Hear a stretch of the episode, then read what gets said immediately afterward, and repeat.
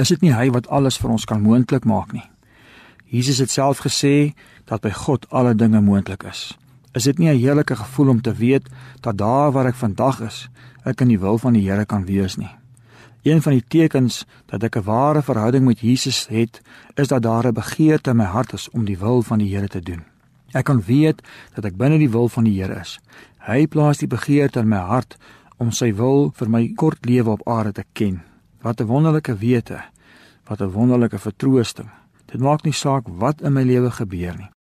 Hierdie wete dra my in die moeilike tye wanneer die lewenspad vir my te donker raak. Die Here sal u nie lei waar sy genade u nie kan onderhou nie.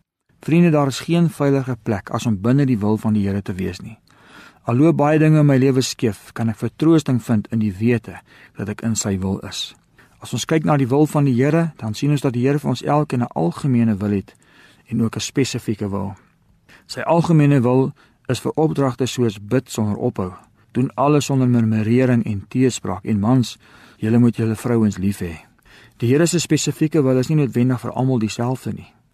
Hy kan vir my verwag om in 'n vreemde land te gaan sendingwerk doen, maar hy verwag dit nie noodwendig van u nie. In Spreuke 16 vers 3 lees ons: Laat jou werk aan die Here oor, dan sal jou planne uitgevoer word. Wat dit eintlik beteken is dat ons al ons planne aan die Here moet toevertrou. En terwyl ons die planne alles aan hom toevertrou, dan verander hy ons gedagtes om in lyn te kom met sy wil vir ons. En as ons planne in pas is met sy wil vir ons, dan sal ons planne uitgevoer word en suksesvol wees.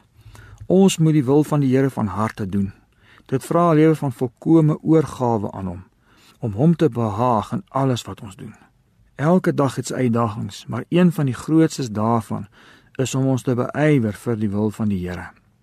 Die gevaar is ook daar dat ons dalk nooit daarby sal uitkom om sy wil vir ons lewe te ken nie. Ons lees in 1 Johannes 2 vers 17 dat die wêreld verbygaan en sy begeerlikheid, maar hy wat die wil van God doen, bly vir ewig. Vriende, as ons die wêreld liefhet, kan ons nie vir God lief hê nie. Die wêreld gaan verby, maar as ons die wil van God doen, dan bly ons vir ewig. As ons God liefhet, wil ons volgens sy wil lewe. Die gevolg daarvan is die ewige lewe.